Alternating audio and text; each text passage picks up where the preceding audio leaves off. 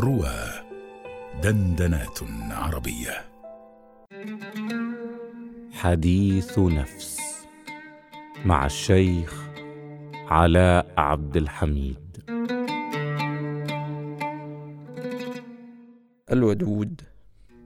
كم من مرة أدبرت وتشاغلت فإذا بالرحمات تزداد وبالعطايا تساق.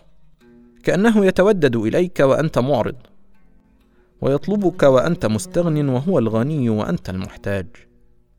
ما شردت يوما ثم طرقت بابه فشعرت أنه أوصد لغير رجعة. بل دائما أشعر أنه يقبلني على كل حال حتى ولو ردك الخلق وكرهوك. لا أغفل عن خوف عقوبته أو تأخر إجابته ولكن وده عودني أنه ما قطعني بل هو معي وإن أبعدني. فحجاب العزة ستر يحجبنا ولطائف الود تسري من وراء الحجاب.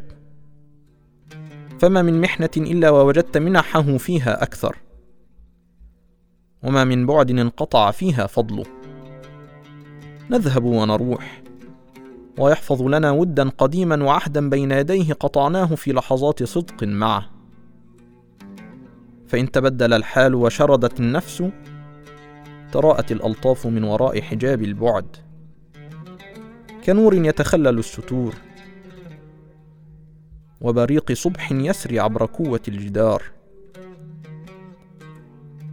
فالودود ما قطع وده والكريم من صان عهده.